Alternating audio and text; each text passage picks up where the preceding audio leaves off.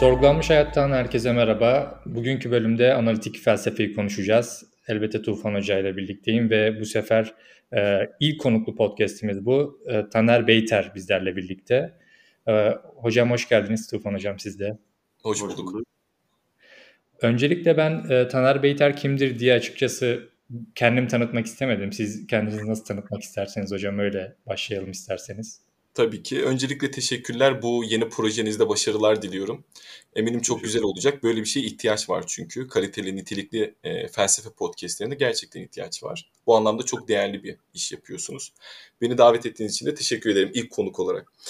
Benim ismim Taner Beyter. Ee, ben Ankara Üniversitesi Coğrafya bölümünden mezun oldum lisans programında. Daha sonra aynı üniversitede felsefe bölümünde yüksek lisansa başladım. İlk başladığımda tabii ki kıta felsefesine daha eğilimli bir e, çizgim vardı. Zaman felsefesi çalıştım. Merhum e, Yücel Dursun'la beraber e, çalışmıştık ilk başta. E, yaklaşık 9 yıldır coğrafya öğretmenliği yapıyorum. E, bunun yanı sıra 2018 yılında Öncül Analitik Felsefe dergisini kurduk Berat Mutluhan Seferoğlu ile birlikte. 5 yıldır e, her 6 ayda bir olmak üzere matbu bir dergi çıkarıyoruz. Şu an 8. sayımız çıktı ve 9. sayıyı çıkarmak için hazırlıklara başladık. Bunun yanı sıra YouTube kanalında içerikler üretiyoruz. Bir web sitemiz var çok önemsiyoruz. Analitik felsefeye yönelik orayı bir veri tabanına dönüştürmeye çalıştığımız için. Web sitesine düzenli olarak çeviri veya özgün yazı içerikleri atıyoruz. Ee, üniversitelerde ve liselerde sunumlar yapıyoruz. Şu ana kadar da 10'a yaklaşık 10-11 üniversiteye gittik. 20'ye yakında liseye gittik. Ee, halka açık buluşmalar yapıyoruz. Ankara'da, Kızılay'da. Geçen Ankara Yeni Sahne e, tiyatrosundaydık örneğin genellikle e, analitik felsefeye yönelik bir içerik üreticiliği yaptığımızı söyleyebilirim. Öncül Analitik Felsefe Dergisi'nde şu an 43 kişilik bir ekibiz. Gönüllü çevirmenler, editörler, yazarlar sağ olsun buradan hepsine de selam söylüyorum. E, bu şekilde tanıtabilirim kendimi. Açıkçası benim için de e, önemli öncül çünkü benim de analitik felsefeyle ilk temasım öncül üzerinden olmuştu. Onu da belirteyim. Peki hocam e, analitik felsefe nedir diye çok net ve basit bir soruyla başlamak istiyorum. Tabii ki bu sorular bir anlamda çok zor, cevaplaması çok zor sorular ama bir anlamda da çok değerli sorular. Bu türden büyük soruları sormaktan çekinmemeliyiz. Bu soruları sormayı da unutmamalıyız bence. E, kimi düşünürler şöylesi şeyler söylüyorlar ki bence haklılar. Bazı kavramları tanımlamak zor. E, bazı ifadeleri nasıl dile dökeceğimizi e, bazen belirlerken zorlanabiliriz. Örneğin demokrasi kavramı. Ya demokrasi nedir dediğimizde herkesin kafasında bir demokrasi tahayyülü var ama demokrasinin ne üzerine olduğunu konuşmaya başladığımızda bu var olan varsayımlar arasında bir çatışma oluyor. Veya sanat. Sanat nedir dediğimizde yine ortada çok açık olmayan bir kavram varmış gibi görünüyor. Bu e, tanımlaması zor kavramlar sepetimizden biri de bence hem felsefe hem de analitik felsefe. E, ne denir? Analitik felsefe nedir sorusuna nasıl bir cevap verilir? Öncelikle şunu söylemem lazım. Analitik felsefe üzerine ağzımdan çıkacak olan her ifadeye katılmayacak analitik felsefeciler vardır. Öncelikle bunu söylemem lazım. Bazı e, iddialarıma bazı analitik felsefeciler katılmayacaktır. Ya da analitik felsefeyi tanımlamaya yönelik iki tane temel teoriden bahsedeceğim. Genetik soy ağacı ve aile benzerliği kuramından bahsedeceğim. Ama bunların istisnası olan analitik filozoflar da olacak. Yani her zaman için flu alanda kalan, e, var olan analitik felsefenin temel e, tanımlamalarına uymayacak olan hem yaklaşım hem de filozof olabilir. E, İlla ki olacaktır da hatta. Ama biz yine de tanımlamaktan geri durmayalım. Analitik felsefe nedir? Analitik felsefe belirli türden felsefi nitelikleri bünyesinde taşıyan bir felsefe hareketi veya geleneğidir. Hareket ve gelenek arasında illaki fark olduğunu söyleyenler de olur. E, birincisi felsefi titizlik dediğimiz bir konu başlığı.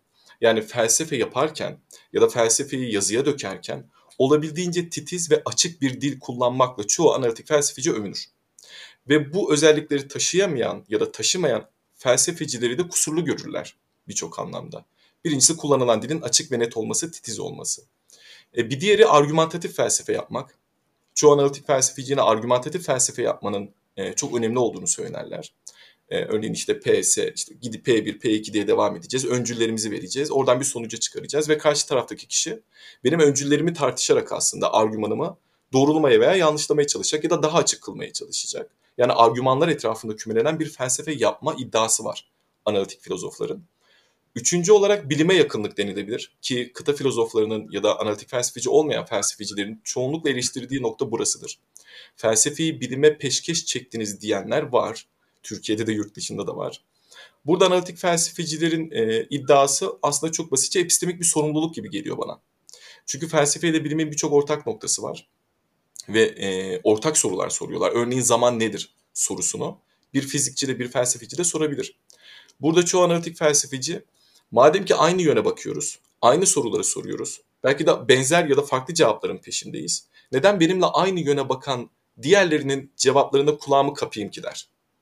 Yani ben bir felsefeci olarak eğer ki zamanın doğasını araştırıyorsam elbette fiziğin de söylediği şeyleri e, göz ardı etmeme yönünde epistemik bir sorumluluğum olabilir. Analitik felsefeciler de bu epistemik sorumluluğun önemine sürekli vurgu yaparlar. E, tabii bu bilimcilik, scientism gibi bir şey değil. Çünkü bilime yönelik, bilimde değerlerin olup olmadığı, bilimin ne anlama geldiği, bilimsel yöntemin var olup olmadığı gibi konulara yönelik analitik felsefecilerden de çok ciddi eleştiriler gelmiştir. E, bilime yönelik de gelmiştir, bilimle felsefe arasındaki ilişkiye de gelmiştir. Ama kısmen analitik felsefenin bilimle daha yakın olduğunu söyleyebiliriz e, üçüncü olarak.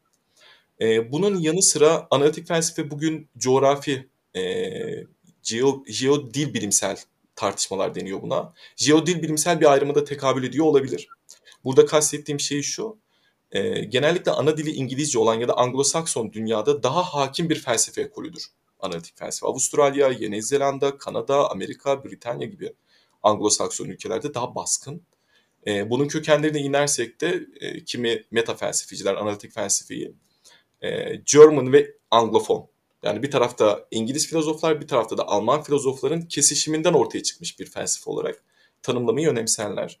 Bugün hala kıta Avrupa'sına nazaran Anglo-Sakson dünyada daha baskın bir felsefe geleneği. Bu da söylenebilir. E, metafizik, metafiziğin reddinin var olup olmadığı büyük bir tartışma. E, belki ilk dönem analitik felsefeciler için metafizik büyük bir tartışmayken, metafiziğin reddine yönelik bir eğilim varken, tabi burada metafizikle neyi kastettiğimizi açmamız gerekecek. Ama daha sonraki dönemlerde David Lewis gibi, Armstrong gibi, Kripke gibi, diğer filozoflarla ya da Plantinga gibi metafiziğin tekrar döndüğü söylenir analitik felsefede. Bu önemli bir tartışma. Yani analitik felsefeyi ne metafizik düşmanı ne de körü körüne gözü kapalı metafizikçi olarak tanımlamak zor.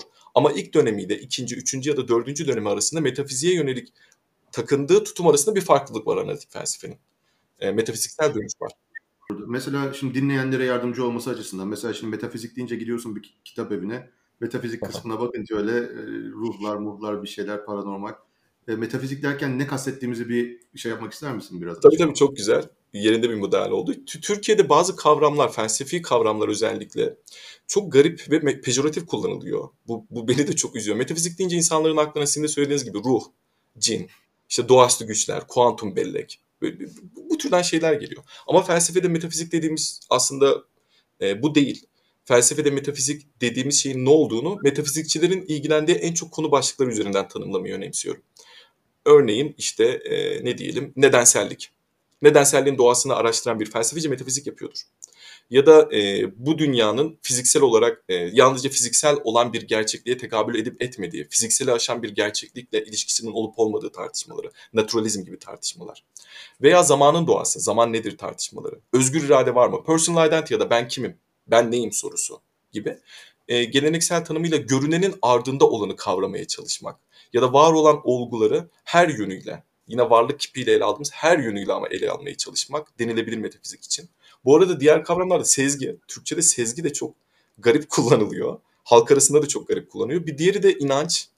Ee, inanç da çok garip kullanılıyor. Hani analitik felsefedeki o belief, inanç dediğimiz şeyle gündelik dildeki ya da bazı Türk felsefecilerin iddia ettiği inanç arasında bir fark var. Ee, iman, iman gibi bazen inanç evet. e, şey oluyor. Halbuki bizim analitik felsefedeki biraz daha sanırım onun teknik e, karşılığı sanı ya da kanı deniyor. Hı hı.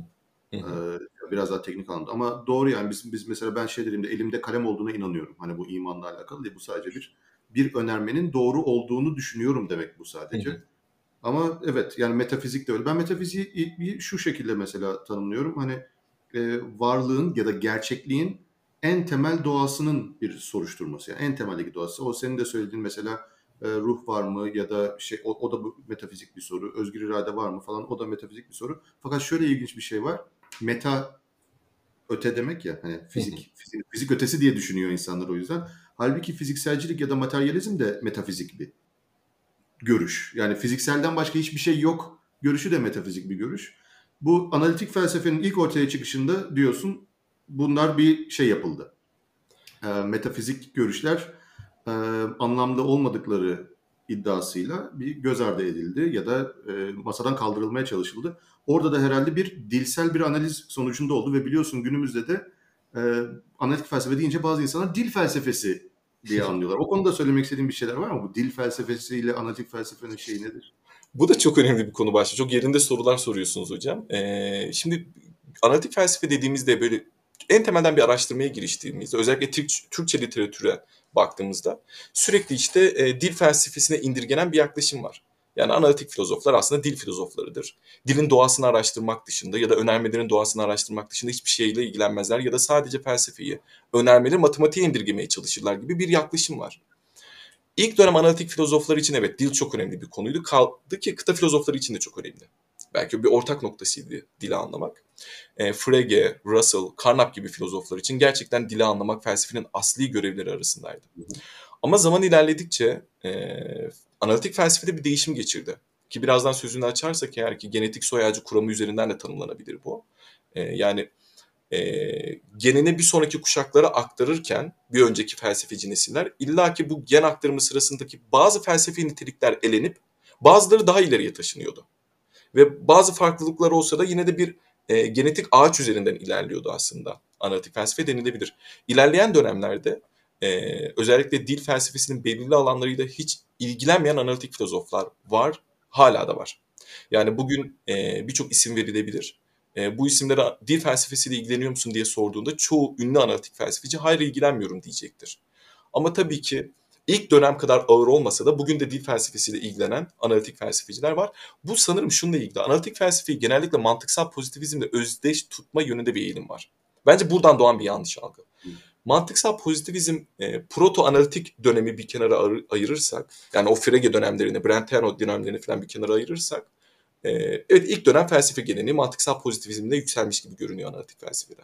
Ama daha sonra Nazilerin iktidara gelmesiyle beraber analitik filozofların, Viyana çevresi filozoflarının büyük bir kısmı Amerika'ya kaçtı. E, çünkü aralarında solcu ve Yahudi vardı. E, birkaç tanesi öldü, öldürüldü. Örneğin Şilik e, bir doktor öğrencisi tarafından öldürüldü. E, bir kısmı Amerika'ya kaçtı, bir kısmı farklı ülkelere. Röyan mesela e, İstanbul Üniversitesi'ne geldi Atatürk'ün davetiyle. İster istemez kaçarken de Nazilerin iktidara gelmesi sonucundaki bu süreçte geleneklerini de taşıdılar. E, Amerika'ya ya da işte farklı ülkelere taşıdılar. Ve o, o 1950'lerden sonraki dönemlerde analitik filozoflar artık ne dil felsefecisi olarak özdeş görülme yönünde bir eğilimi hak ettiler ne de metafiziği reddeden grup olarak görülmeyi hak ettiler derdim. İkinci ya da üçüncü dönemde yani 1950'lerden sonraki dönemde artık dil felsefesiyle o kadar yoğun ilgilenmeyen, felsefenin farklı alanlarına ilgi duyan analitik felsefeci kuşaklar doğdu. Yine metafiziği farklı bir şekilde ele alan, hatta metafiziği reddetmek bir yana tırnak içerisinde cayır cayır metafizik yapan analitik felsefeciler doğdu. Bu tarihsel perspektifte görmek anlamlı olacaktır analitik felsefeyi. Şu hani dilde titizlik dedin, bir de argümantatif olmak dedin ya hani temel şey. Bir de bilime yakın olmak. Hani bu üç e, önemli. Ondan sonra bir de coğrafi olarak da belki düşünülebilir. Bu e, aslında baktığımızda zaten dildeki titizlik ve argümantatif olmak zaten bilime gayet benzeyen bir şey değil mi? Hani burada bir yaklaşım. Mesela e, akıl yürütme, argümantatif kısmı özellikle akıl yürütmenin adımlarının ortaya konması gerekiyor burada argümantatif olduğunda. Yani ben böyle bir bana vahiy gelmiş gibi böyle bir şeyler söyleyip böyle büyük tespitler falan yapmak yerine analitik felsefede bütün o akıl yürütmenin adımlarının ortaya konması ve bu adımların açıkça ortaya konması. Bu, bu bana e, fizikçilerin deney yapmalarını hatırlatıyor aslında. Yani deney yaparken bir fizikçi açık bir şekilde deneyin bütün o parametrelerini falan ortaya koyuyor. O deneyin bütün e, düzeneğini ortaya koyuyor. Ondan sonra o deneyi nasıl yaptığının bütün adımlarını koyuyor ki diğerleri de tekrar edebilirsin o deneyi. Bakalım aynı sonuca varabilecekler mi? Ve orada ölçümlerin hepsinin çok net bir şekilde ortaya konması gerekiyor ya da yapılan her şey net bir şekilde ortaya konması gerekiyor. Bu da bence kolektif üretimi sağlayan şey işte. Yani benzerini ben analitik felsefede görüyorum. Analitik felsefede kolektif çalışmanın çok rahat olduğunu düşünüyorum. Çünkü ben herkesin aynı şeyi anlayabileceği netlikte bir şey ortaya koymaya çalışıyorum. Eğer birden fazla okuyucu okuduğunda benim argümanımı farklı şeyler anlıyorlarsa burada bir sorun vardır. Ben kendimi net ifade edememişimdir hepsi aynı şeyi anlasın ki benim akıl yürütmelerimde belki de arka plandaki bir varsayımım var. Bunu ortaya açıkça koymamışım. Belki de o varsayımda hata var. Belki de oraya bir itirazda bulunabilir. ki hatamı göstersinler. Hatamı göstere göstere de hani burada bir ilerleme kaydediliyor. Aynısını şunun için de düşünüyorum. Ee, o argümantatiflikte bir de argümanın yapısı çok açıkça ortaya konursa argüman geçerli mi değil mi? Yani öncüllerden sonuç çıkar mı? Bunu mantıkla, formal mantıkla da aslında hı hı. gösterebilirsin. Yani yapısı itibariyle o öncüllerden, o kabullerden o sonuç çıkar mı? Bir, iki insan ötenazi hakkında tartışıyor olsun.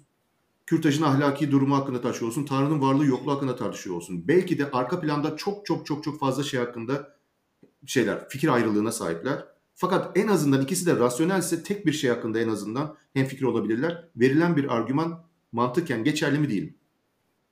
Eğer geçerli olduğunda kanaat getirirlerse iki taraftan birisi tarafından bir argüman bu sefer öncülleri işte deneyecekler. Acaba bu öncülün doğru olduğuna inanmak için ne gibi sebebimiz var? Yani bu şekilde ben açık, net argümantasyonun diyaloğa çok katkıda bulunduğunu ve ortak üretime, kolektif çalışmaya yardımcı olduğunu düşünüyorum. Bu anlamda disiplinler arası çalışmaya da analitik felsefe e, daha yakın gibi geliyor bana şahsen. Yok katılıyorum kesinlikle öyle. Bugün nörofelsefe dediğimiz bir yaklaşım var. Yani kimileri hem nöroloji alanında bir bilim dalında doktora yapıp ya da uzmanlık kazanıp aynı zamanda felsefenin hem tarihsel hem de güncel konularına nöroloji bakış açısıyla yaklaşabiliyor. Bir nörolog bakış açısıyla yaklaşabiliyorlar. Ya da işte fizikçi olup aynı zamanda belli metafiziksel konuları ele almaya çalışabiliyorlar. Bu aynı zamanda demin de bilerek bu kelimeyi kullandım. Epistemik bir sorumluluk aslında. Yani hepimiz var olan bilgi iddialarımızı öncelikle açık bir şekilde dile dökme yönünde bir sorumluluğa sahibiz. Eğer iki kişinin tartıştığı bir ortamdaysak en temelde birinci olarak, asli olarak bu iki kişinin birbirini olabildiğince iyi anlamasını isteriz. Eğer ki bu iki kişi öne sürdüğü iddiaları yeterince açık kılmıyorsa ya da gereksiz yere uzatıyorsa e, o zaman burada bir problem var. Yani o bu sadece iki kişinin tartışması değil. Yazılan bir felsefe metninde de çok açık görülebilir. Hı. Ben hep şunu söylüyorum. Bir felsefe metnini anlamıyorsam buradaki birinci problem her zaman ben olmayabilirim. Yazarda da sorun olabilir bazen diyorum. Ve buradan da açıkçası bazı filozoflara yönelik eleştirilerim var. Kendi çapımda Türk veya yabancı filozoflara. Ee, bu felsefenin aslında en temel başka bir tartışmasına götürüyor bize. Ki bunu çok öneriyorum, önemsiyorum. Felsefede cevaplar önemli mi değil mi tartışmasıyla bence bir ilişki var.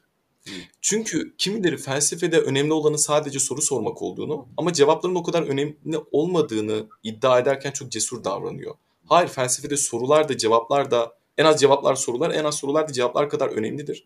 Ve bu sorularla cevapların e, var olan tırnak içerisinde diyalektiğinde olabildiğince açık, olabildiğince mantıksal izleyi takip edilebilir olan, olabildiğince iyi bir şekilde ele alınabilir olan bir e, zemin sunmamız lazım genellikle analitik felsefeciler bu konuda elinde bir sopa tutarak ben öyle hissediyorum. Özellikle biraz daha radikal tırnak içerisinde ya da militan Searle gibi mesela John Searle gibi biraz daha radikal ya da militan görünen analitik felsefeciler bu sopayla kıta filozoflarını sürekli döverler. Burada izleyicilerimiz eğer ki felsefeye çok aşina değilse kıta filozofları derken kastettiği kişiler işte Foucault'lar, Lacan'lar, Derrida'lar, Heidegger'ler, Bergson'lar, Levinas'lar böyle sayın sayın bitmez. Onların çok kapalı ve ağdalı bir dil kullandığı, gereksiz yere cümleleri uzattığı, var olan felsefi metinlerinin veya konuşmaların içerisinde argümanın bulunamadığı, yani okuyucunun ya da dinleyicinin argümanı bulmakla vakit harcadığı o entelektüel yolculuğunda büyük bir kısmını zamanla. E, buralardan yola çıkarak bir eleştiri öne sürüyorlar. Tabi buna uymayan kıta filozofları var. Yine o parantezi açmayı önemsiyorum. Ya da daha kapalı yazan nadir de olsa analitik filozoflar da var. Yani böyle bu tanımlamaya uymayan analitik filozoflar da var. Ama dili önemsiyorum. Yani kullanılan dilin açık olması, denetlemeye açık olması, anlaşılabilir olması e, temel bir e, sorumluluk. Bir felsefeci taşıması gerektiği bir sorumluluk derdim. Bana da özellikle makul bir tartışma zemini için bu iletişimi önemsemek gerekiyor gibi geliyor. Yani bu dil mevzusu burada önemli. Yoksa benim yazdığım şeyi eğer başka kimse anlayıp yorumlayabilip ona itiraz bile getiremeyecekse o zaman makul bir zemin olmuyor zaten. O konuyu tartışamam ben herhangi biriyle. Ya da ya da farklı kişiler farklı şeyler anlayıp da farklı şeylere itirazda bulunuyorsa yani senin yazdığını farklı anlıyorsa insanlar bu anlamda yoruma açıksa şiir benzeri bir şeyse anlatabiliyor muyum? Hani bu Nietzsche'nin bir sözü var mesela e, diyor hani suyu su eğer derin değilse ama derin göstermek istersen bir suyu bir su birikintisini bulandırırsın diyor. Hani suyu bulandırırsan çamurlanır, dibi görünmez. Dibi görünmeyince belki de derindir, derin gibi durur. Hani aynı şekilde hani dili de böyle bulandırırsan derin olmayıp da derin görünmek isteyenler dili bulandırır diyor mesela. Niçin? Yani ciddi bir tartışma yapmak için mesela özgür iradeyi falan konuştuğumda ben insanlarla şunu fark ediyorum. Aynı şeyden bahsetmiyoruz özgür irade derken zaten. Önce aynı şeyden bahsetmemiz lazım. iyi bir tartışma zemini olabilmesi için. Ben Kesinlikle. şeyi merak ediyorum biraz. Şimdi tarihsel olarak baktığımızda şöyle dediniz. Belli dönemlerde belli şeyler daha çok çalışılmış. Analitik felsefeciler arasında belli şeyler daha az çalışılmış, çalışılmış ama bu değişmiş. Ben şimdi baktığımda şunu görüyorum. Ee, birçok alanda analitik felsefe çalışması var aslında. Ciddi bir genişleme söz konusu. Ama ben şunu merak ediyorum. Acaba bu şunu mu gösteriyor? Analitik felsefenin aslında e, şu konularla ilgilenen felsefe değil de şu yöntemle ilgilenen felsefe olduğunu mu gösteriyor bu? Yani aslında konu sınırlaması hiç yoktu ama o an belli konulara uygulanabilirdi o yöntem sadece. Zamanla bunun farklı alanlarda da uygulanabileceği fark edildi. Ama buna da mesela şöyle itirazlar gelebilir. Her konu bu kadar açık ve net bir şekilde yazılamaz. İtirazı geliyor mesela. Bu konuda ne söylersiniz? Çok güzel bir soru. Yani analitik felsefenin doğuşuna baktığımızda özellikle o 1900'lü yılların başına baktığımızda genellikle mantık, anlam, önerme, dilin doğası e, gibi şeyler daha çok tartışılıyordu. E, işte Frege, e, Russell, işte Carnap, e, Schilling, e, Hempel, işte biraz daha erkene gidersek başka filozoflar ya da Wittgenstein gibi isimlerle. Ama en temelde analitik felsefenin aslında bir yöntem olduğunu e, unutmamak gerekiyor. Yani bir analiz, felsefi argümanları, iddiaları, tartışmaları, meseleleri, temaları e, analiz etme yöntemi aslında. Mesela Russell için bu mantıksal atomculuktu. Yani ilk analitik felsefenin felsefi yöntemlerinden biriydi mantıksal atomculuk. Yani var olan bir önermeyi en küçük atomlarına kadar ayırıp tanımlayarak daha sonra tekrar inşa etmek. Şimdi bu genellikle e, bazı analitik felsefe tarihçilerinin çok verdiği bir örnektir.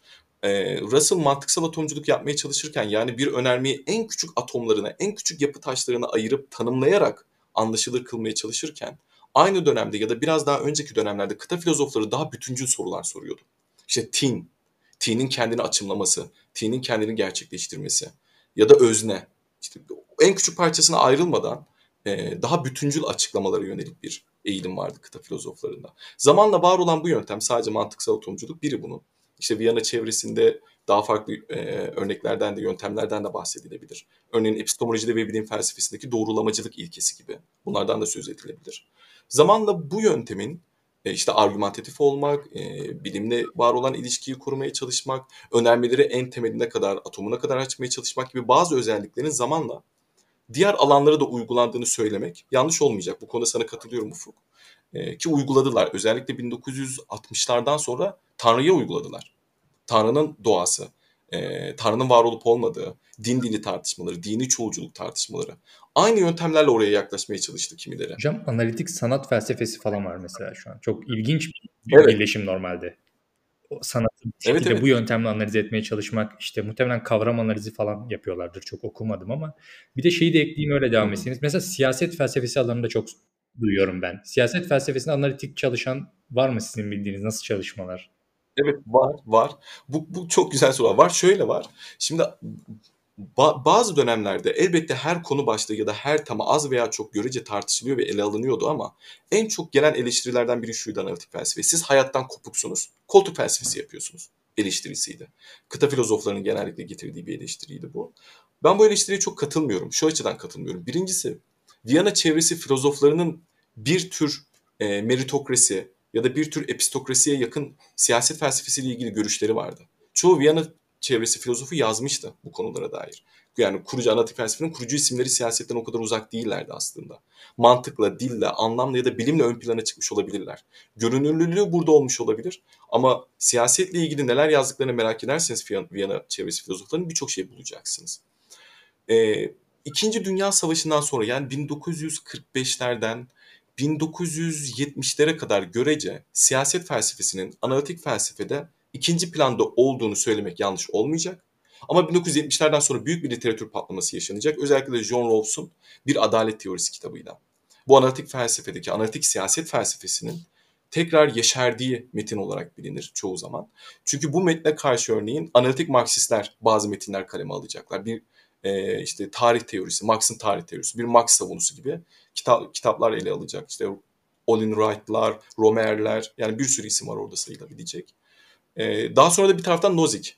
E, Nozick'in işte e, e, Devlet, Üto, Devlet Ütopya ve Anarşiydi sanırım kitabının adı. İstanbul Üniversitesi yayınlarından çıktı. O bir metin yazacak ve bir yandan libertaryen bir cephe gelişecek. Analitik Marksizmle ve tırnak içerisinde e, bir tür egaliteryen olan John Rawls'un yaklaşımıyla e, çarpışan ya da hesaplaşmaya çalışan. Yani 1907, bu, bu arada bu kitaplar arasında birkaç yıl var yok birbirine karşı yönde ilişkiler ve hepsi de analitik tarzda, analitik felsefe yüklediğimiz niteliklerle ele alınan metinlerdi. 1970'lerden sonra işte 1990 ya da 2000'li yıllara kadar analitik felsefede büyük bir siyaset felsefesi serpilmesi yaşandı. Hani kimileri şunu söylüyor, evet son 10-15 belki de 20 yıldır analitik felsefede büyük bir siyaset felsefesi metni yok. O kadar büyük kuram tartışmaları dönmüyor. Yine acaba ikinci plana mı itildi diye şüpheye düşmüyor değil. Ama siyaset felsefesinin 1970'lerle 2000-2005'li yıllar arasında çok yoğun tartışıldığını söylemek lazım. Hala da tartışılıyor. Bugün analitik felsefede biraz daha zihin felsefesi. E, görece ön planda gibi geliyor bana. E, bilmiyorum buna katılacak mısınız ama işte zihin felsefesinde o hard problemi çözülüp çözülemeyeceği, nitelik dualizmi, töz dualizmi, panpsikizm, e, fizikalizmin farklı yorumları, büyük bir zihin felsefesi patlaması da olduğu söylenebilir bugün. Ama analitik felsefe hayattan kopuk mu? Öncelikle bunu cevap veririm. Hayır değil. Siyaset felsefesindeki metinlere baktığımızda değil, uygulamalı etik adını verdiğimiz bir alan var. Ee, ötenazi, e, kürtaj, adil savaş teorileri, savaş felsefesi, idam etiği. Yani şirketlerin ahlaki statüsü var mı? E, kapitalizm aslında eşitlik üretimi, dağıtıcı adalet. Bunlar da yine 1970'lerde e, görece daha çok serpilmiş. E, hayata dokunan felsefe tartışmaları analitik felsefede. Hocam en baştaki soruyu çok fazla şey sorduğum için o kaynamış olabilir. Şunu hatırlatayım tekrar. Ee, analitik felsefenin önerdiği yöntemle ele alamayacağımız konular var mı sizce? Aa, güzel bir soru. Benim de aklıma önce sanat felsefesi geliyor. Çünkü sanatın ne olduğuna yönelik, e, sanatın nesnel ya da öznel olma niteliklerinin nasıl ele alınacağına yönelik ciddi tartışmaların hala döndüğünü biliyorum. Sanat felsefesi analitik bir yöntemle ele alınmaz demezdim. Analitik sanat felsefesi mümkün değil de demezdim. Ama açıkçası benim kendi kişisel ilgi alanım ya da felsefeden anladığım şeye yönelik kişisel kabullerim sonucunda analitik felsefeli sanat felsefesinin benim çok ilgimi çektiğini söylemem. Eğer biri çıkıp şunu söylese ya hayır analitik, analitik felsefenin yöntemlerinin uygulanmayacağı hiçbir alan yok. Bakın sanat felsefesinde de bu metinler ve bu çalışmalar yapıldı derse, aa evet öyle mi deyip kabul ederim. Ama açıkçası benim kafamdaki analitik felsefe tahayyülüne en uzak olan sanat felsefesi derdim. Sanat felsefesiyle çok ilgilenmiyor olmam da analitik felsefeden bağımsız bir şekilde buna sebep oluyor olabilir bunu söylememe. Onun dışında felsefenin birçok temel sorunu, meselesi ya da tartışmasına dair analitik felsefesinin, analitik felsefe geleneğindeki insanların çok güçlü iddiaları olduğunu düşünüyorum. Ve ilgilendiğini de düşünüyorum, uygulandığını da düşünüyorum. Muhtemelen sanat felsefesine de uygulanır. Analitik sanat felsefesini bilen bir kişi sanırım e, buna daha güzel örnekler verirdi. Yani uygulanmayacak hiçbir alan yoktu derdim sanırım. Ona o konuda ben de şey yani ben de kes, ben de katılıyorum. Uygulanmayacağı hiçbir alan yok. Bu daha çok yöntemle, üslupla falan alakalı bir şey. Sanat felsefesi de bayağı var bence şeyde. Yani analitik sanat felsefesi var. Yani sanatın tanımıyla alakalı da olabilir bu ama yani sanatla alakalı o kadar çok değişik şey var ki hani çünkü sanatın aynı zamanda e, hukuki kısımları da olabiliyor. Hani kime ait olacağına dair e, biraz daha toplumsal kısımları olabiliyor, kurumsal kısımları olabiliyor, siyasi kısımları olabiliyor. Hani eğer oralarda felsefe yapılabiliyorsa antik felsefe, sanatta da buradan e, şey yapılabilir. Ki bayağı var. Yani ne bileyim şey üzerine tartışmalar bu. Ben sen deneyim falan da bayağı yapıyor. Estetik üzerine falan çalışıyor. Ya da belli bir e, şeyin sanat olup olmadığı üzerine çok çeşitli analizler olabiliyor. Burada önemli olan net yaklaşmak. Şey olduğunu düşünmüyorum mesela. Şöyle bir şey olursa ama hayata dair, insanın durumuna dair, insanlık durumuna dair o kadar derin, o kadar dilden kaçan gerçekler olabilir ki belki de onları net bir dille ifade etmek mümkün olmaz. Fakat bunların bilgisi gene de önemlidir. Ne yapacağız o zaman? Belki o zaman metaforlara muhtaç kalacağız. Belki de. Ama ben şöyle düşünüyorum. İnsan belki de insanın gerçekliği böyle bir şeydir. Gerçekten de insanda bazı şeyler durumumuzda bu şekilde ifade edilemeyecektir. Ben orada bile e, şey olacağını düşünüyorum. O zaman onun analitik bir şekilde sınırların çizilmesi ve buradan sonrasını söyleyemeyeceğizin analitik olarak ortaya konması ve burada benim yapabileceğimin en iyisi önünüze bu metaforu koymaktır diye açıkça yapılması. Bu bence bu yöntemi analitik yöntemin dışına çıkarmaz. Mesela e, zihin felsefesinde ben fenomenal bilinç dediğimiz ya da görüntüsel bilinç dediğimiz şeyin zaten doğası gereği açıklanamayacak bir şey olduğunu söylüyoruz biz. O zaman ben nasıl bunu ne hakkında konuştuğumu nasıl söyleyeceğim? Sadece ben ancak okuyucuyu davet edebilirim. Hani bak hani elini bir yere çarptığında acıyor ya işte bak o acı gibi bir şey. Hani limonu tattığında bir tat alıyorsun bak onun gibi bir şey. Şimdi ben bunu açıkça ortaya koyamadım ama ben analitik yöntemle diyorum ki zaten bunun olayı bu. Yani zaten ortaya konamayacak bir şey zaten. Yani bence sınırları çizilirse düzgün bir şekilde e, o metaforlar, o açıklanamayacak, dille ifade edilemeyecek şeylerin hani diğer taraflara bulaşması engellenirse anlatabiliyor muyum? E, o, o zaman analitik yöntemin dışına çıkılmış olmaz. Yine de ortada bazı metaforlar, bazı şeyler zorunlu olarak kullanılsa da ki kullanılabilir neden olmasın benzetmeler metaforlar. Hocam dediğiniz şeyde bazı felsefeciler analitik ekolden olmayan şöyle diyebilir. Bu işin olayı bu zaten. Ben bu yüzden böyle yazıyorum.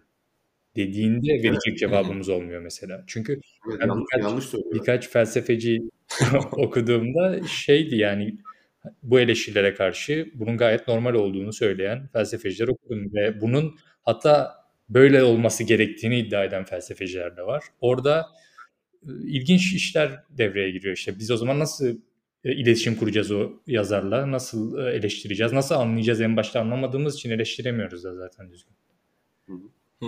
Ben, ben Twitter'da falan öyle yazılınca öyle şeyleri eleştirdiğim zaman yani bana hep şey cevapları geliyor. Sen anlamamışsın. Ama doğru anlamadım. yani ne anladım? Yani mesela şey diyor böyle kapalı yazılmış bir e, bir metin olduğunda oraya konduğunda ondan sonra ben işte anlamıyorum onu ve anlamadım diyorum mesela. Ondan sonra altında herkes de orada bir sürü kişi yazıyor. Ya işte burada da şunu demek istiyor aslında niye anlamadım? Ama hepsinin anladığı farklı birbirinden. Bana diyorlar bak anlamamışsın sen. Ama bu, bu iyi bir şey değil işte. Yani.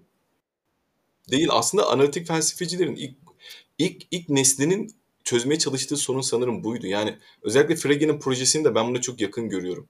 E, dilin kendisini yani felsefenin kendisi, dilin kendisini, mantık ve mat- matematikle olan ilişkisini göstermeye çalışmak, mantığı matematiğe indirgemeye çalışmak. Aslında o objektif, evrensel, nesnel şeyi, o dili bulmaya çalışmaktı. O mantığı bulmaya ya da onu onu ifşa etmeye çalışmaktı ve evet. çok anlamlı bir projeydi bence. Frege'nin o büyük projesi. Kendi içerisinde çok büyük bir anlam taşıyordu. Ki ben söylediğiniz diğer şeye de katılıyorum. Yani felsefe anlamadım anlamadım cümlesi iki felsefeci arasında çok kurulmamasını beklediğim bir cümle olur benim genellikle. Çünkü bir taraf büyük ihtimalle epistemik bir kusur işliyordur. Ee, eğer bir felsefeciysek ve işimiz buysa. Mesela işte felsefi varsayımlar farklı oluyor. Mesela ben şu, şu türden makaleler görüyorum. İşte bazı Heidegger'ci hocaların yazdığı makaleler. Felsefe giz yaratır. Bu, bu bana anlamadım demiyorum. Bu bana garip geliyor, tuhaf geliyor. Anlıyorum ve tuhaf geliyor ve kabul edilemez geliyor. Felsefe giz yaratmaz. Felsefe tam tersi. Felsefe sorun çözer. Felsefe açık kılar. Felsefe sınırlarını çizer. Yani felsefi varsayımlarımız arasında, felsefi sezgilerimiz arasında o kadar temel farklılık var ki bu yüzden bu türden farklı tartışmaları ya da birbirimizi anlayamamaya doğru gidiyoruz ki evet yani özellikle 1970'ler ve 80'lerden sonrası için analitik felsefeyle kıta filozofları arasında, kıta filozofları arasındaki makasın çok açıldığını söylemek mümkün. Yani muazzam bir açıklık başladı. Artık birbirlerini anlamamaya, iki farklı okula dönmeye başladı. Ee, ki birazdan bahsi açılırsa yine konuşuruz. Bu genetik soy ağacı ya da işte aile benzerlik kuramıyla da ilişkili bir şekilde anlamlı bir manzara karşımıza çıkmıştı. Ben bunun temelde ama şununla ilişkili olduğunu düşünüyorum. Temel felsefi varsayımlar arasındaki farklılıklar dedik ya. Genellikle kıta filozofları yine istisnalar olmakla beraber özne temelli bir bakış açısı gibi geliyor. Yani birinci yıl tekil bakış açısına indirgenen bir dünya tasavvuru ya da birinci yıl tekil bakış açısı çerçevesinde şekillenen bir felsefeye yaklaşım tarzı.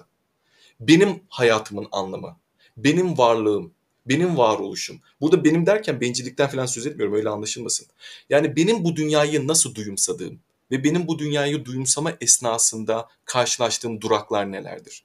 İşte varlık mı, zaman mı, bilgi mi, bilim mi, iktidar mı, güç mü, cinsiyet mi? Ama birinci tekil bakış açısı yani özne temelli bir felsefe yapma eğilimi varmış gibi geliyor bana kıta filozoflarının çoğunda. Ama buna rağmen analitik felsefeciler daha meta bir dile çıkmaya çalışıyorlar.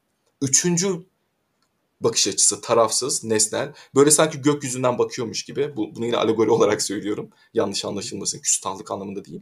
Biraz daha üçüncül ve tarafsız E, o birinci tekil bakış açısının belli bir görüş açısı vardır ya işte 150 derecedir, 180 derecedir. Hayır öyle değil. Kuş bakışı bakarsam oradaki bütün manzarayı ya da zemini nesnel bir şekilde görmeye çalışabilirim. Bu yüzden benim şeklinde başlayan, benim bu evreni, doğayı ya da varlığı nasıl duyumsadığımdan ziyade bizim cümlesini de kurmadan belki de ya da kurarak bilmiyorum artık ne denilebilir. Ee, belki de bu yüzden mantıkla ya da matematikle bu kadar çok ilgiliydi analitik filozoflar ya da bilimle bu kadar çok ilgiliydi. Daha tarafsız, daha meta bir yönden, meta bir pozisyondan meseleleri ele almaya yönelik bir eğilim var. E, bunun çok fazla örneği verilebilir bu arada. Bu iddiamı gerekçelendirebilirim. Örneğin bilgi mesela. Bilginin doğası ya da epistemoloji üzerinde dönen analitik ve kıta literatürüne baktığımızda bambaşka şeyler konuşuluyor. Yani bambaşka şeyleri anlıyorlar. İşte genellikle analitik epistemologlar yine o üçüncül meta dilden, objektif üçüncül bakış açısından tarafsız e, toplum ya da zaman üstü. Yani toplumun ya da zamanın engellerini aşabilen hani gerçekliği de çoğunlukla o meta dille ilişkilendiririz ya toplumun ve mekanın sınırlarını aşa, aşmakla ilişkilendiririz hakikati. Daha oradan yaklaşan bir bilgi anlayışları var. İşte gerekçelendirilmiş doğru inanç bilgi midir? İşte bilgi entelektüel erdem yoluyla elde edilmiş doğru inanç mıdır? İşte bir sürü tartışmalar. Ee, tabii burada tarihi, toplumu, mekanı ya da zamana yönelik sınırlılıkları göz ardı etmiyor analitik felsefeciler. Bunu söylemiyorum. Ama burada, burada tıklı kalmıyorlar. Ya sosyal epistemoloji diye bir alan var bugün. İşte o toplumsal ya da mekansal e, sınırlılıkları göz önünde alan veya feminist epistemoloji var. Epistemolojiler var daha doğrusu. Bu, bir diğer örnek bilgi dışında, epistemoloji dışında zaman felsefesi olurdu sanırım. Yani o zaman felsefesine yönelik kıta filozoflarının yazdıklarına baktığımızda Heidegger'in, işte Paul Ricoeur'un, Bergson'un oralara baktığımızda hep ben yine o birincil bakış açısı, bunu kötülemek için söylemiyorum ama hep o yine birincil e, bakış açısı. Yani benim bir insan olarak bu dünyadaki halimin ve varoluşumun durakları ile ilgili metinler görüyorum. Ama analitik metafizikteki zaman felsefesi tartışmaları işte A teorisi mi doğru, B teorisi mi doğru? A teorisi ve B teorisine lehine ve aleyhine argümanlar nelerdir? Bunda bilim hangisini destekler? Kuantum mu? İşte kuantum mekaniği mi? Yoksa özel görelilik mi daha çok A ve şey veya B teorisiyle ilişkili? Zamanın Şeklinde bizden daha bağımsız doğası üzerine e, biraz daha analitik felsefeciler yaklaşırken kıtada biraz daha bizim yaşadığımız zamanın ne olduğu ve hatta bizim o hani zamanın fenomenolojisi gibi hani bizim biz bizim için zamanın içinde olmak ne demektir gibi biraz daha. Evet evet kesinlikle öyle. Ana şema kesinlikle böyle. Ek yapayım söylediğinize katılıyorum hocam. Buna rağmen yine zamanın A teorisinin örnek vermek gerekirse insanda nasıl duyumsadığı, evet. duyumsandığı tartışmaları da var. Evet. Mesela onu da göz ardı etmiyor analitik metafizikçiler. Quantum Smith mesela çok ünlü bir analitik metafizikçi. iki sene önce kaybettik. O da mesela zamanın A teorisinin nasıl duyumsandığını, psikolojik olarak nasıl duyumsandığını, dilde kendine nasıl karşılık bulduğu, sezgilerimizle niye uyuştuğu gibi insanla o spesifik ve niş özel ilişkisini de tartışmaya açıyordu. Ama bu genel ayrımın çok baskın olduğunu düşünüyorum. Birinci mi yoksa üst meta Aslında biraz eleştiri de getirilebilir bence bu şekildeki analitik yaklaşıma. Çünkü bu yaklaşımın yani şu anda analitikçilerin bu, bu yaklaşımı söylediğin dediğin şeyin e, özünde yer aldığını düşünmüyorum mesela. Bu biraz da çünkü bu üsluptan biraz daha farklı bir şey şu anda mesela. Üsluptan, açıklıktan, argümantatiflikten biraz daha farklı bir şey mesela bu. Bu söylediğim. Ee, felsefi arkadaşlar, felsefi proje ile alakalı biraz daha bu. Ben açıkçası şimdi benim esas alanım yani doktorumu yazdığım alan şu anda değiştiriyorum tabii alanımı iyi oluş felsefesi ama zihin felsefesi benim esas alanım. Şimdi zihin felsefesinde benim gördüğüm şöyle bir şey var. Bu genel ve ortalamadan bahsediyorum sadece ve genel bir ne denir e, yaklaşımdan bahsediyorum. Kıta felsefesinde evet biraz daha özne, Dasein, işte fenomenoloji o, o, o temelli gidiyor. Özgür irade şeylerinde bile hani varoluşçular özgür iradeyi direkt biz özgürüz diye. Hani bu kabulle alakalı bir şey. Hani tabii, tabii ki öyleyiz diye. Ama özgür irade tartışmaları analitik felsefede bakarsan bizim beynimiz e, şeyle e, doğa yasalarıyla yönetilen nöronlarımız varken ve biz doğa yasalarını değiştiremiyorken nasıl oldu özgür diye biraz daha nesnel bakış açısından anlamak ve nesnel bakış açısına indirgemek. Ve bilinç konusunu nesnel bakış açısına indirgemek. Bilinçle beyin arasındaki ilişki. Bunu nasıl yapabiliriz? Ve e, yapılabilecek en iyi şeylerden biri bir analitik filozof için benim gördüğüm kadarıyla genel, genel ortalamadan bahsediyorum. Bu üçüncü kişi gözünden bilinçle beynin ilişkisini açıklamak. Ama üçüncü kişi gözünden, birinci kişi değil. Ben Hı-hı. burada e, birinci kişi gözüyle üçüncü kişi gözünün birbirine indirgenemeyeceğini düşünüyorum ve ikisinden birinin yok sayılmasının yanlış olduğunu düşünüyorum. Yani ben, ben, ben şimdi burada evet. genel analitik yaklaşımdan şeyler ortalamadan tabii ki bir sürü benim gibi düşünen insan var burada da ya. Ama e, ortalamadan biraz daha ayrılıyorum ve e, şu şey konusu da hani biraz daha zaman üstü ve toplum üstü zaten kıta felsefecilerinin en çok eleştirdiği şeylerden bir tanesi o. Sen öznesin. Hani nesnel bakamazsın ki. Yani öyle bir nesnel bir hakikaten bahsedemezsin. Mesela dil gerçekliği kurar. Sen dilden bağımsız düşünemezsin mesela hani bunun gibi şeyler. Bu ben bunlara biraz katılıyorum açıkçası. Yani ve analitik felsefecilerin burada dikkatli olması gerektiğini düşünüyorum gerçekten de. Ee, kendimizi böyle dışarıda bir belli bir tarihselliğin, belli bir işte e, kültürün falan dışında görmeden e, facticity onun Türkçesini bilmiyorum işte neyse onların dışında görmeden, olgusallığın dışında görmeden ama benim derdim analitik felsefe deyince bir analitik felsefeci olarak benim derdim açıklık, argüman. Hani şeyden koparabilir miyiz acaba bunu? Analitikle e, kıta yaklaşımlarının birbirlerine yaklaşması çok iyi bir şey olurdu bence. Burada ki bunu yapanlar var zaten. Hı hı. Hatta bizim yeni felsefe bölümüne, Bilkent felsefe bölümüne gelecek olan biri var. James Kincaid. Fenomenoloji çalışıyor ama analitik şeyden falan yapıyor. Yani böyle kıtayla analitiği birleştiren çok çok ilginç e, çalışmaları var. Ya bunun ben e, dil açıklığına önem vererek ama belki de bu günümüzde biraz daha böyle bedenlenmiş zihin falan gibi Merleau-Ponty'ye de giden Hı. hani biraz daha kıtadan da hani bedenin önemi bunları da işin içine alan e, ırk, cinsiyet gibi konularda gene kıtayla da kıtadan da beslenen bir, bir analitik bir yaklaşım da var ve mümkün ve bu iyi bir şey bence. Hani anlatabiliyor muyum di- diyalog açısından? Ben o yüzden bu zihin felsefesindeki çalışmalarımdan dolayı biraz bu nesnellik takıntısı var sanki. Ortalama bir analitik felsefecide ve öznellik evet. takıntısı var ortalama bir kıta felsefecisinde. Ama valla insanda ikisi de var. Öznel nesnel. Ee, bilmiyorum bence yani öpüşüp barışalım derim ben ya şeylerle. Kıta ve analitik. Çünkü ikisi de var. Yani iki yaklaşım var. Ama üstü. Evet. Ya felsefi çoğulculuk belki de yani felsefi çoğulculuğu kabul etmek lazım. Bir de biz hep Batı felsefesini yani felsefi Batı felsefesiyle sınırlı İyi, olarak tabii. düşünüyor da olabiliriz. Bu hataya da düşüyor olabiliriz. Bir anda devasa bir İslam felsefesi var ve ben benim de Twitter'da böyle işte kelamda falan doktora yapan arkadaşlarım var. Konuştuğu şeyleri anlayamıyorum. Ama devasa bir literatür var ve orada bir çekicilik var hissedebiliyorum. Ama çalışmıyorum mesela. Bir anda işte Budist felsefeler var. Çin felsefeleri var yani uzak doğu. Bir anda Ubuntu var Afrika felsefesi.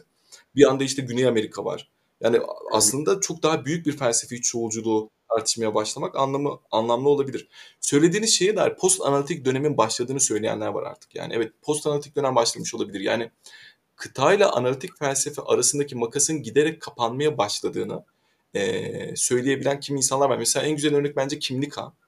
E, şu an yeni kitabını son kitaplarından birini okuyorum Kimlik Han'ın. Evet yani kıta felsefesi temaları veya kıta felsefesine daha içkin görünen özellikleri Evet ama sanırım bu bir analitik felsefeci sezgisini de oluşturarak e, okutuyor bana e, kimlik. Başka isimler de verilebilir. Sanırım feminizm tartışmalarında kıtayla analitiğin evet, en çok evet, yakınsadığı evet. alanlardan biri günümüzde. Siyaset felsefesi yine öyle. İşte analitik Marksistler genellikle Marksizm kıta felsefesinde daha yakın görülür. Oradan çıkmış bir ekol olarak tanımlar kimileri. Orada da bir yakınlaşma var. Ee, sanırım bu yakınlaşma herkesin yararına olacaktır. Burada sözü çok uzattım ufak ufuk kusura bakma. Küçük bir şey söyleyip hemen sana vereyim istiyorum. E, yani burada elbette şu yapılıyor değil. Biz Türkiye'de analitik felsefenin gelişmesi için yola çıkmış olan ilk popüler felsefe dergisiyiz. Hem e, web sitesi hem YouTube kanalı hem matbu dergi. İlk popüler analitik felsefe dergisiyiz. Kimileri bizi analitik felsefenin distribütörü olarak görmeye eğilimi gösteriyor ama biz böyle militan analitik felsefecilik falan yapıyor değiliz ya da en en doğru ve en güzel ve tartışmasız analitik bir felsefe konu analitik felsefe olduğunu da söylemiyoruz. En temelde analitik felsefe ve diğer felsefe ekolleri arasında bir tartışma zemini, entelektüel bir çevre yaratma iddiasıyla ortaya çıktık. Yani bir tartışma olmalı. Bir tartışma zemini, bir tartışma ortamı yaratılmalı. Kaynaklar Türkçe'ye çevrilmeli ya da kaynaklar tartışmaya dahil edilmeli deyip yola çıktık. Bunu da bir parantez olarak e, bir yere iliştireyim istedim. E, iyi analitik felsefeci olduğu gibi kötü analitik felsefeci de var. E, kötü kıtacı olduğu gibi daha az iyi kıtacı var falan dermişim ama var yani. Buyur Ufuk. Ben kendi adıma teşekkür ederim Öncül ekibine de tabii. Bence önemli bir misyonu oldu Öncül'ün hala da var tabii. Ee, bence kimse hakikati tek eline almaya çalışmadığı sürece pek bir sorun yok. Sorun çıkmaz gibi geliyor. Esas sorun orada başlıyor gibi geliyor. Hani hakikat budur sadece böyle yapılır felsefe gibi iddialarda problem oluyor. Ama kendi düşüncem de siz, sizden de dinledikten sonra şu an daha netleşiyor kafamda tabii. E, resmi çizemediğimiz durumda bile bence çerçeveyi çizmeye çabalamalıyız herhangi bir konuda. Yani belki resmi tamamen çizemiyoruz. Evet bunu kabul etmek gerek. Her konuyu o kadar berrak çizemiyoruz. Ama çerçevelerini belirleme şansımız var gibi geliyor hala bana. Ee, tabii çok temel ayrımlar var. Siz de söylediğiniz üçüncü kişi gözünden bakmak. Bir de öte yandan mesela politik olandan bağımsız bir e, resim çizemeyeceğimizi iddia edenler var vesaire. Bu ayrımlar çok temel varsayımlara dayanıyor bence ama e, çözülemeyecek şeyler değil gibi bana göre de.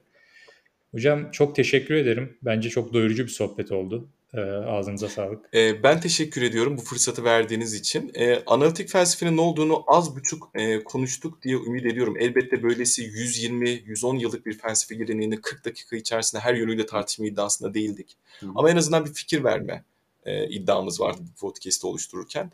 Ben izninizle çok küçük birkaç alıntı yapmak istiyorum analitik felsefenin ne olduğuna yönelik ki e, okuyucular eğer ilgi duyarsa, motivasyon hissederse yine yararlı olabilir onlar için. Analitik felsefenin ne olduğuna dair.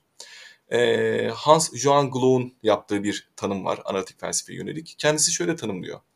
Analitik felsefe biçimsel mantıktaki Frege'ci mantık, Moore'un ve Russell'ın idealizme karşı isyanlarının birer neticesi olan önermelerin doğası ve Traktatus'un dil bilimsel dönemeç hakkındaki tartışmalarıyla birleştiğinde tedricen ortaya çıkmış bir harekettir diyor.